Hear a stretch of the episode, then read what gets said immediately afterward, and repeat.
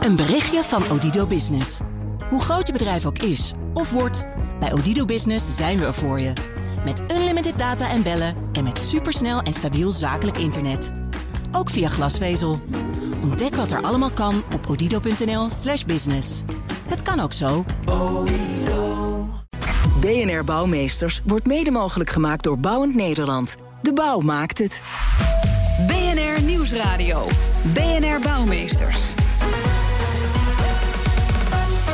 Jan Postma. Een wijk in Almere, een straat in Huddegriep. Friesland is dat. Een proeftuin in Den Haag. Tiny houses schieten als paddenstoelen uit de grond. Is dit nou een trend, een hype of misschien zelfs wel een oplossing voor woningnood? Welkom bij BNR Bouwmeesters voor de bedenkers, bouwers en bewoners. De gast Marjolein Jonker, oprichter van Tiny House Nederland. En Esther Geuting, zij is directeur innovatie bij Stekgroep. En uh, jullie hebben onderzoek gedaan naar de trend van klein wonen. Welkom allebei. Dankjewel. Goed dat jullie er zijn. Dankjewel. Uh, Marjolein, om even met uh, jou te beginnen. Wanneer kan je een huis nou echt een, uh, een ja, tiny huis noemen?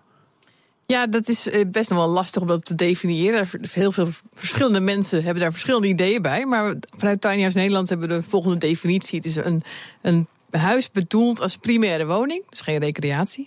Met een woonoppervlak tot 50 vierkante meter en grondgebonden. Dus geen microappartement, geen woonboot, maar echt met opgang aan de, op, aan, aan de grond. Ja, ja, inderdaad. Het moet echt op de grond staan. Uh... Kan wel op wielen. Ja, want dat, dat is wel. ook iets wat je vaak hoort, die flexibiliteit. Maar dan denk ik, dan is het ook alweer gauw een staakerven. Maar ja, dat dus, is dan weer niet. Een staakerven is echt bedoeld voor recreatie... en ook niet helemaal geschikt om het jaar rond in te wonen.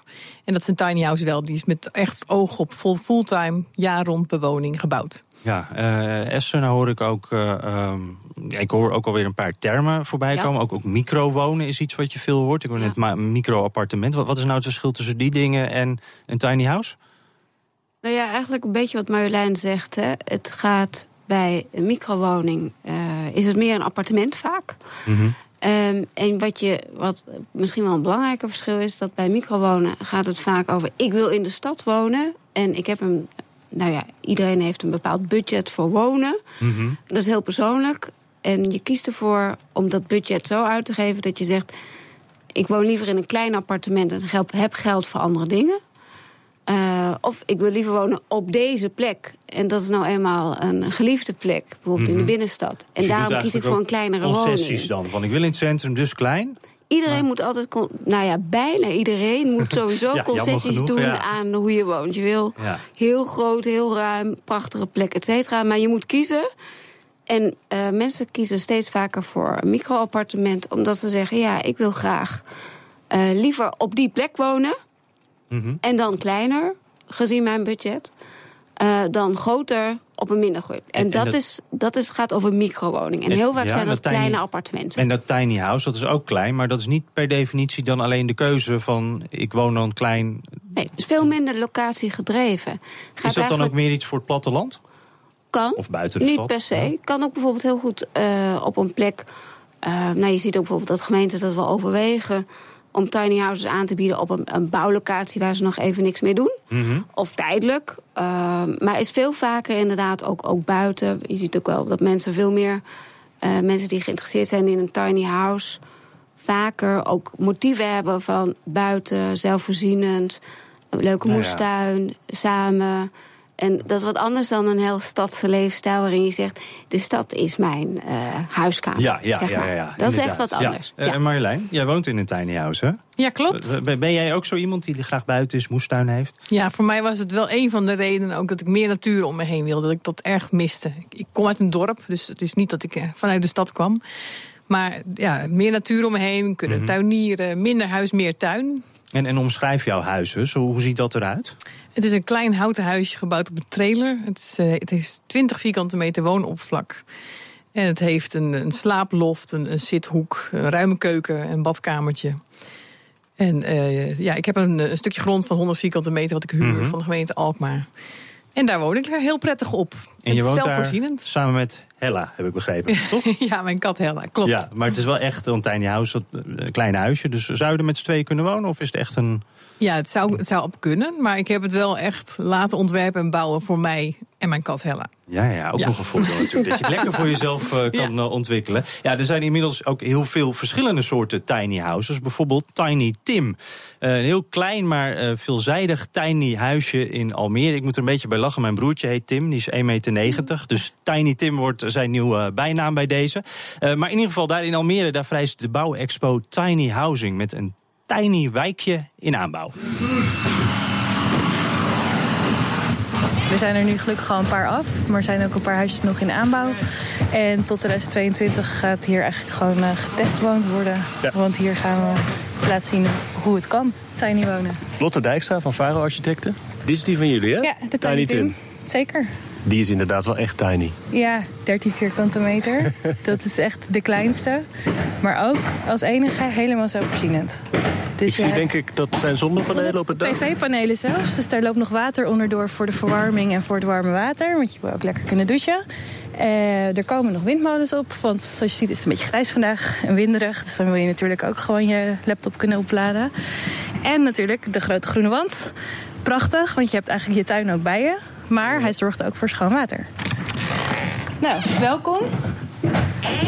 Kleine ruimte, maar super flexibel. We hebben overal laadjes. Je kan bijvoorbeeld de bank helemaal uitschuiven. Je hoort het misschien een beetje. Oh. En dat is dus een tweepersoonsbed. En als je die weer inklapt, dan uh, heb je weer lekker ruimte voor visite. Het bed is twee persoons. Of de rest van het huis dat ook is, dat weet ik niet. nou ja, dat is natuurlijk ook de vraag: hoeveel hou je van elkaar? Je moet wel een beetje puzzelen met waar je alles laat. Dan hebben we nog de keuken en de badkamer. Je kan mooi alles opklappen, waardoor je extra ruimte krijgt om te douchen. Je hoort het misschien, daarmee maak je een douchecabine. En als je de kraan aan doet, dan doet hij het natuurlijk gewoon. Het water uit de verticale tuin. Ja. Is dit het eh, beste tiny house van het stel? Natuurlijk. Ja, natuurlijk. De Tiny Tim, voor mensen die dus eh, wel heel veel van elkaar uh, houden. Uh, straks praten we ook nog even verder met Lotte over waar je nou zo'n Tiny Tim allemaal neer kan zetten. Ja, we hoorden net al, Marjolein. Ehm, die Tiny Tims, die hebben allemaal span spannende nieuwe oplossingen, slimme dingetjes erin zitten, zodat je zo efficiënt mogelijk in zo'n kleine ruimte kan leven. Hoe zit dat met jouw tiny house? Ja, dat is natuurlijk wel een kenmerk van tiny house. Je hebt een beperkt uh, oppervlak, dus je moet daar zo slim mogelijk mee omgaan. Dus dat zie je terugkomen in multifunctionele meubels en slimme oplossingen. Uh, voor off-grid technologie bijvoorbeeld. In mijn huis heeft dat ook. Ik heb een, bijvoorbeeld een vaste trap naar de loft... waar ook weer de koelkast in zit, opbergruimte in zit. Mijn zitmeubel kan ik ombouwen tot eethoek. Er zit een klaptafel in verstopt. En er zit ook een opbergruimte omheen. En ik heb eh, ja, een slimme buitenkastje. Ik heb zelfs een, een schuurtje in mijn huis. Die je van buiten dan weer in kan. Die je ah. niet goed ziet. Ja, het, is, het zit vol met vernuftige designoplossingen. Klinkt heel gaaf, maar ik denk dan ook een beetje terug aan uh, kamperen. Uh, je bent ook constant aan het uh, uitvouwen, inklappen. word je daar niet eens een beetje moe van? Of vind je dat juist wel leuk? Nee, die huisjes heb je er wel bij, die, waarbij je echt heel veel kan uitklappen. Dat heeft mijn huisje helemaal niet. Als, ik gebruik de eetkamertafel niet zo heel vaak. En verder heb ik niet zo heel veel uitklapdingen. Het is een heel ruim opgezet huisje. Ja, wat is nou de grootste uitdaging bij, bij het ontwerpen, bij het bouwen van zo'n tiny house? Waar, waar moet je dan op letten? Ja, eh, voldoen aan het bouwbesluit. Als je natuurlijk legaal wilt wonen, dan moet je, uh, wordt je huisje getoetst aan het bouwbesluit. Nou, daar gaan we het zo nog wel even verder over hebben. Maar ik zat meer even praktisch te denken. Wat, wat, uh, je hebt er zelf een loft in gebouwd bijvoorbeeld. Is, is, is dat nog ingewikkeld om te ontwerpen? Of is, is het kant en klaar? Nee, dat zijn op zich, daar zijn diverse opties voor. Als je op wielen bouwt, bijvoorbeeld op een trailer, dan moet je erg denken aan het gewicht. Dat is een belangrijke aandachtspunt. Dus je zit, mhm. als je met de rijbewijs BE de weg op wilt met je huisje, dan moet je maximaal 3500 kilo wegen. en daar zit je heel snel aan. Ja. Is dat voor jou trouwens wel belangrijk, die flexibiliteit? Ja, ik heb eh, geen geld voor eigen grond. Dus ik, mhm. moet, uh, ben nu afhankelijk van vaak tijdelijke plekken. En dat vind ik prima. Maar dan is het wel handig als je je huisje snel weer mee kan nemen. Ja, Esther, is dat ook iets waar jullie, eh, wat in jullie onderzoek naar buiten kwam? Dat mensen dat belangrijk vinden, die flexibiliteit? Nou, we hebben eigenlijk we hebben voor het RVO een onderzoek gedaan uh, naar wat beleidsmakers vinden van dit item. En we mhm. waren eigenlijk heel erg verrast dat zoveel mensen zeggen: ja, maar dit is echt een structureel ding. Uh, en werd, werd het onderzoek heel vaak, heel vaak wilden mensen daar meedoen. Mm -hmm. um, en vervolgens zeiden ze ook allemaal: dit is echt structureel. Dus en wat bedoel je dan? Ja, corporaties zeggen: ja, wij moeten iets met klein wonen, want dat is ook eigenlijk een neveneffect van uh, de aanpassing van de woningwet uh, van Blok. Uh, dus we moeten kleiner, want anders kunnen we het niet voor die prijs doen.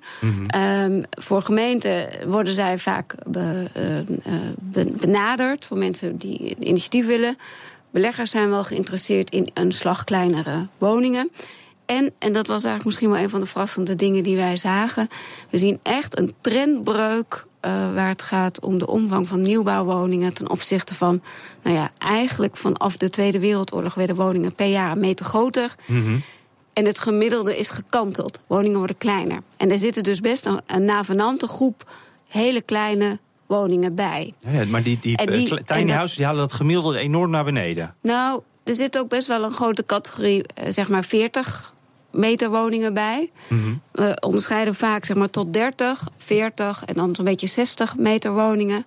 En dat is echt wel een flinke slag kleiner dan gemiddeld in Nederland uh, gebruikelijk was.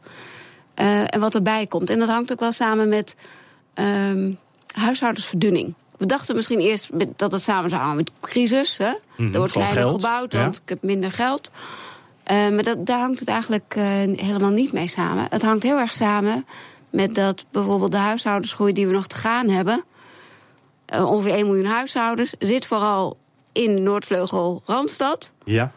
En zijn vooral eenpersoonshuishoudens. Ja, dus die gezinnen worden kleiner, ja. willen kleinere huizen. Maar ook nog kleine huishoudens worden vaker eenpersoonshuishoudens. Want zeg maar een microappartement of een, een tiny house is in je eentje al prettiger dan misschien met z'n tweeën. Ja, dat is misschien wel persoonlijk. Ja, die tiny houses die winnen dus behoorlijk aan populariteit. Maar zijn ze hier ook echt om te blijven? Dat zo na de reclame. BNR Nieuwsradio. BNR Bouwmeesters. Hoe groter je huis, hoe hoger je status. Toch, zo was het altijd. Maar dat lijkt nu ook wel een beetje passé. Want we willen ook wel kleiner wonen, hebben we net gehoord. Onze leefstijl verandert en daarmee ook onze woonwensen. Maar de gemeente, die werkt nog niet altijd mee. Daarover praat ik verder met mijn gasten. Marjolein Jonker, zij is oprichter van Tiny House Nederland. En Esther Geuting, zij is directeur innovatie bij de Stekgroep. Die uh, onderzoek hebben gedaan naar uh, ja, de trend van klein wonen eigenlijk. Uh, Marjolein, ik ben eigenlijk wel benieuwd. Ik hoor namelijk al een hele tijd veel over tiny houses. Ook de hele tijd hoe hip en trendy en, en, en hoe het enorm in opkomst is. Maar hebben we een beeld van hoeveel er van die tiny houses al zijn eigenlijk in Nederland? Ja, dat, dat, is, dat, dat is inderdaad een behoorlijke hype geworden, die tiny houses. Mensen hebben de indruk dat je zomaar in een tiny house kunt wonen. En dat is dus helaas nog niet het geval. Er zijn er dus ook echt nog maar tientallen in Nederland. Oké, okay, want het, uh, hoe lang is deze trend nou toch wel een paar jaar al, dacht ik? Nou, het zijn zeg maar twee jaar is ja. die trend aan het, uh, aan het mm-hmm. ontwikkelen. En in twee jaar tijd is er al enorm veel bereikt. Maar ja. die plekken, daar schort het nog heel erg aan. Oké, okay, want daar, uh, en, en, daar speelt dan de gemeente ook een rol. Wat, wat gebeurt daar dan? Ja, nou ja, de gemeentes zijn wel steeds meer geïnteresseerd in tiny housing. Maar zijn erg aan het worstelen met de regelgeving. Het is natuurlijk sowieso uh, vrij nieuw voor gemeentes. Ik denk dat mensen naar de gemeente toe komen met... ik wil graag in een tiny house wonen, waar kan dat? Mm-hmm. En dan het liefst een kavel zouden kopen, huren of pachten van de gemeente. Ja, de gemeente moet daar een weg in zoeken hoe dat zit met het bouwbesluit. Er is grond met woonbestemming nodig, dat is dure grond. Mm-hmm. Dus vaak wordt er inderdaad gekeken naar tijdelijke terreinen... die toch uh, niet anders benut worden op het moment. Ja. Om daar uh, ja, te mee te experimenteren met deze woonvorm. Ja, en, en, en dat bouwbesluit, dat is begrijp ik als een steeds minder groot probleem. Daar ja. worden gemeentes wel wat uh, ja, Het is ook, eerst was het natuurlijk nog nieuw, en nieuw is altijd spannend. Um, maar in principe is het zo dat vroeger hadden we uh, de woningwet die zei... een woning moet minimaal 28 meter groot zijn. Anders mag het geen zelfstandige woning zijn. Dat is een paar jaar geleden gestopt. Dus dat scheelt heel erg. Dus nu gaat het veel vaker over... is het, is het huis wel brandveilig? Mm-hmm. Of... Uh, ja, uh, voldoet het wel aan de isolatienormen. En je ziet dus ook wel dat uh, aanbieders van kleine woningen of zelfbouwpakketten ook steeds vaker wel proberen om ook gewoon 100% te voldoen aan het bouwbesluit. Dat betekent voor een kleine huis dat je, dat je extra aandacht moet besteden aan de isolatiedikte van de wanden. Want het is een mm-hmm. vrijstaand huisje. Uh, dus, maar dat gaat eigenlijk steeds beter. Dat maakt het ook steeds makkelijker. Ik zou ook denken, um, als je iets wil met een tiny house, doe er eentje die voldoet aan het bouwbesluit. Tegenwoordig is er voldoende te kiezen. Die zijn er al gewoon ja, en dat scheelt ja, er ook En dat betekent dat je er veel makkelijker doorheen schiet. En de groot, veel groter is denk ik de bottleneck die, die, die gaat over... Uh, wil ik het ook echt als gemeente? Want je moet kiezen, het gaat vaak over schaarse grond... Um, en dat betekent dat je moet zeggen, wil ik hier die laatste woning Mhm. capaciteit voor, eh, Ja, en- en- voor benutten. En durf ik dat ook als gemeente? Ja, D- ja. Daar gaan we het zo En- nog wel als even... Precies, ja? want Ja, daar als, je het niet, als je het niet durft, zeg maar, dan, dan is het bouwbesluit heel makkelijk om te zeggen dat hij niet voldoet. Ja, dan is dat ineens een, Ja. eh, een soort excuus om het dan maar niet te doen. Ja. Gaan we het zo even verder over Ja. hebben. Maar eerst gaan we nog even terug naar Almere. Naar, eh, daar is hij weer, Tiny Tim. Eh 16 vierkante meter pure veelzijdigheid en ook super hip. Gaat toch weer over mijn broertje, geloof ik. Maar blijft het ook hip? Dat, en heeft Tiny Housing ook de toekomst in Nederland? Gewoon zitten. Plastic. eh. Lekkere bank. Ja, ja, toch? Ik mis nog een beetje een tafeltje. Ja, tafel kan er nog in en dan kan je hem natuurlijk ook opklappen. En Ja. voor, voor welke mensen is dit nou geschikt? Zo klein. Zo klein. Nou, als je bijvoorbeeld alleen woont, als je bijvoorbeeld gescheiden bent. zou- Het klinkt dan een beetje als een soort armoedekeuze voor alleenstaande en mensen zonder geld. Nou, dat is denk ik helemaal niet het geval. We zijn in Haarlem bezig met een testcase met tien huisjes. Want de grap is dus juist, je hebt je eigen plek. Maar doordat je in een wijkje zit met andere tiny houses... eh, heb je dus eigenlijk, je bent misschien alleen... maar je gaat juist een community maken. Dus je Ja. krijgt een heel nieuwe eh, samenleving eigenlijk. En het heeft misschien ook wel een beetje een community gevoel vanwege het hele duurzaamheidsidee. eh, weg met alle spullen. Zeker, ontspullen. eh mensen die eigenlijk dus gelijk ideeën hebben over de toekomst, over hoe ze willen leven. meer buiten. De deuren kunnen ook helemaal lekker open. Dus je gaat ook veel meer naar buiten automatisch. En daar moet je elkaar. Nou, weet je wat het is? Als ik op die, die, die tiny house websites uit Amerika kijk, dan zie ik zo'n huisje in een prachtig donker woud staan of op een Ja. rotskust. Maar dit is Almere Poort. ja, dit is Almere Poort, maar je moet ergens beginnen. Eh, in Nederland zijn er natuurlijk onwijs veel regels om te zorgen dat woningen voldoen. Dit voldoet bijvoorbeeld wel aan het bouwbesluit. Maar je merkt dat gemeenten steeds meer proberen mee te denken. En dat er ook steeds meer gemeenten zijn die zeggen... nou, ja, ik heb hier nog een stukje bijvoorbeeld braakliggend terrein. En omdat het dus helemaal autarkisch is, geen leidingen... je hebt je eigen water en stroom... hoef je ook geen leidingen aan te leggen. Dus het wordt ook interessant voor een gemeente... Ja. om zo'n huisje daar neer te zetten. En Almere is al vrij ver op dit gebied. hè? En ik geloof Ja. ook Den Helder experimenteert ermee. Klopt. De rest van het land? Er zijn merkbaar zijn hier in Almere veel events waar echt heel veel gemeentes op afkomen. Van goh, hoe doen jullie dat nou? Hoe hebben jullie dat nou opgelost? Dus we merken dat er echt in het hele land steeds meer interesse is. Oh, en vooral inderdaad voor de praktische kant van de zaak. Hoe zit het met regels, bestemmingsplan? Hoe, hoe kun je hier nou mee omgaan? Want het is een heel nieuwe vorm van wonen die mensen nog niet kenden. Ja, Lotte Dijkstra van Faro Architect in gesprek met verslaggever Hugo Reitsma. Zitten ze lekker met z'n tweeën knus in die Tiny Tim. Ehm, ja, Esther, jij noemde net al eventjes die gemeentes die, die, die willen wel een klein beetje meer meedenken. Horen we ook in de reportage terug. Maar het, het- de grond, om dat beschikbaar te, te maken, dat is voor gemeenten toch vaak nog een soort eh, ja, drempel eigenlijk. Wat, wat, wat houdt ze dan tegen? Nou ja, ik denk dat je, als het gaat om die tijdelijke plekken, dan kan dat vaak best wel snel. Mhm. Ehm, maar dan, dan heb je niet de garantie dat dat voor eeuwig blijft. Of dan weet je dat het niet voor eeuwig blijft. Ja, ja, ja. Ehm, dat is een voordeel, het- maar ook een nadeel. Ja, maar het is, het is wat het is. Dat maakt het makkelijk. ehm, en dan, dan helpt het ook bijvoorbeeld om juist zo'n gebied, en dat is voor een gemeente aantrekkelijk, een gebied nieuw op de kaart te zetten en te positioneren en te profileren. Want dan wordt het ook een beetje hippig. Mhm. En dat is ook mooi en ook fijn. Waar het gaat om een permanente eh, oplossing, is dat vaak ehm, veel minder makkelijk. Eh, en, en zie je eigenlijk een beetje hetzelfde als, als, als waar het ook gaat over zeg maar, eh, zelfbouwkavels ter beschikking stellen. Je ziet dat de vraag veel groter is dan het aanbod. En soms denken dat gemeenten dat het lastig is.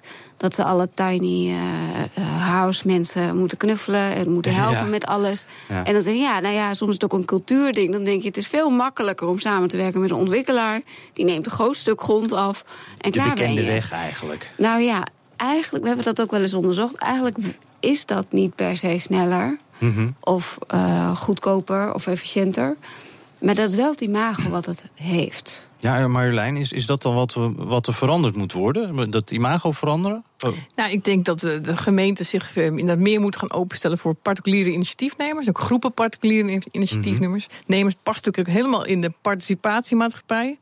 De overheid die zich terugtrekt, we moeten meer zelf doen. Dan zijn er mensen die gaan zelf oplossingen bedenken voor problemen. Ja. En dan lopen ze tegen een muur van regelgeving op. en een onwillende ambtenaar of uh, een gemeente. Ja, dat kan natuurlijk eigenlijk niet zo zijn. Hè? Nee. Die, die partijen moeten gaan samenwerken. Ja, en, en uh, een van die partijen, ze kwamen net al even voorbij, zijn ook de bouwers natuurlijk. In hoeverre zie je ook in de bouwwereld dat hier wordt ingespeeld op die tiny houses?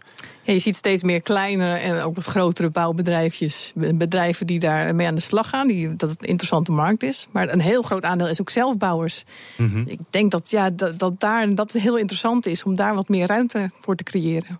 Ja, maar ik zou zeggen, de, uh, dat is ook iets voor bouwbedrijven om dan uh, snel in te stappen. En de Heimansbron is ook een, een, mm -hmm. voorbeeld. Hè? Die ja. zeggen, we hebben eigenlijk een pasklaar concept. Kan je zo neerzetten, weer oppakken en weer verplaatsen en weer neerzetten. Ja, ja ik, ik, denk wel dat het echt een beweging is van mensen die het heel graag zelf willen doen. Meer zelf, ja. Niet per se ja. zelf bouwen, maar wel zelf heel bewust gaan willen nadenken over hoe moet mijn huisje eruit zien. En ook dat wat dat jij ook hebt gedaan, echt persoonlijk, echt naar jouw wensen. En van je kat natuurlijk. Dat, en natuurlijk zijn er ook mensen die zeggen, goh, doe maar gewoon een kant-en-klaar huisje. Ik wil gewoon tiny wonen. Ik wil niet al die beslissingen moeten nemen. Nee. ook helemaal prima, maar die keuzevrijheid moet er zijn. En als we nou even een beetje in onze glazen bol kijken, is dit nou over vijf of over tien jaar uh, hebben we er dan een paar duizend van die tiny houses. Is het dan echt helemaal doorgebroken? Uh, wat denk je, Esther?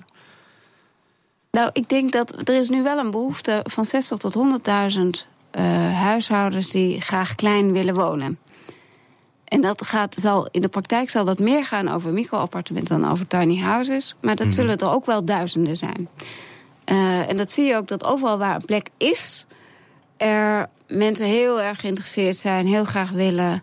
Uh, heel graag uh, daarmee aan de slag gaan. Dus ik geloof ja. wel dat het, uh, dat het een ding is. En vooral ook omdat de, de intrinsieke motivatie, hè, dat je, je, je hebt een bepaalde leefstijl, die wil je op je eigen manier invullen. Ja. En daar hoort een bepaald huis bij. Dus niet altijd meer een rijtjeshuis. Die, wens is er, dus dan, ja. dan, gaat het vanzelf meer komen, hoor ik dan. En Marjolein, is dat, denk, denk je dat ook? Ik ben het met Esther eens. Ik denk ja. dat de uh, tiny house is maar één optie. Er zijn er vele.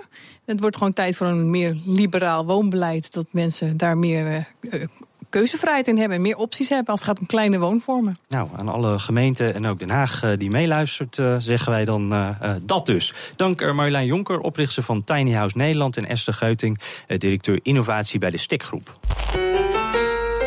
BNR Bouwexpo. We zetten weer een bijzonder gebouw in de schijnwerper. En de curator van de Bouwexpo, Frederik, heeft weer een heel mooi gebouw gevonden. Uh, het is namelijk de Upside Down Huis in Polen. Vertel. Ja, de naam doet het misschien al een beetje vermoeden. Dit huis staat op zijn kop. Ja. Maakt de bouw ook wat lastig, kom ik later nog op terug. Nou, het is gewoon echt letterlijk een klassiek uitvindhuis omgedraaid. Uh, en je krijgt dit huis. Nou, je zou denken, iemand wil eens wat geks proberen. Maar dat is niet helemaal zo. De Poolse zakenman Daniel Sapiuski. In één keer goed. In één ja. keer goed, heb ik opgeoefend.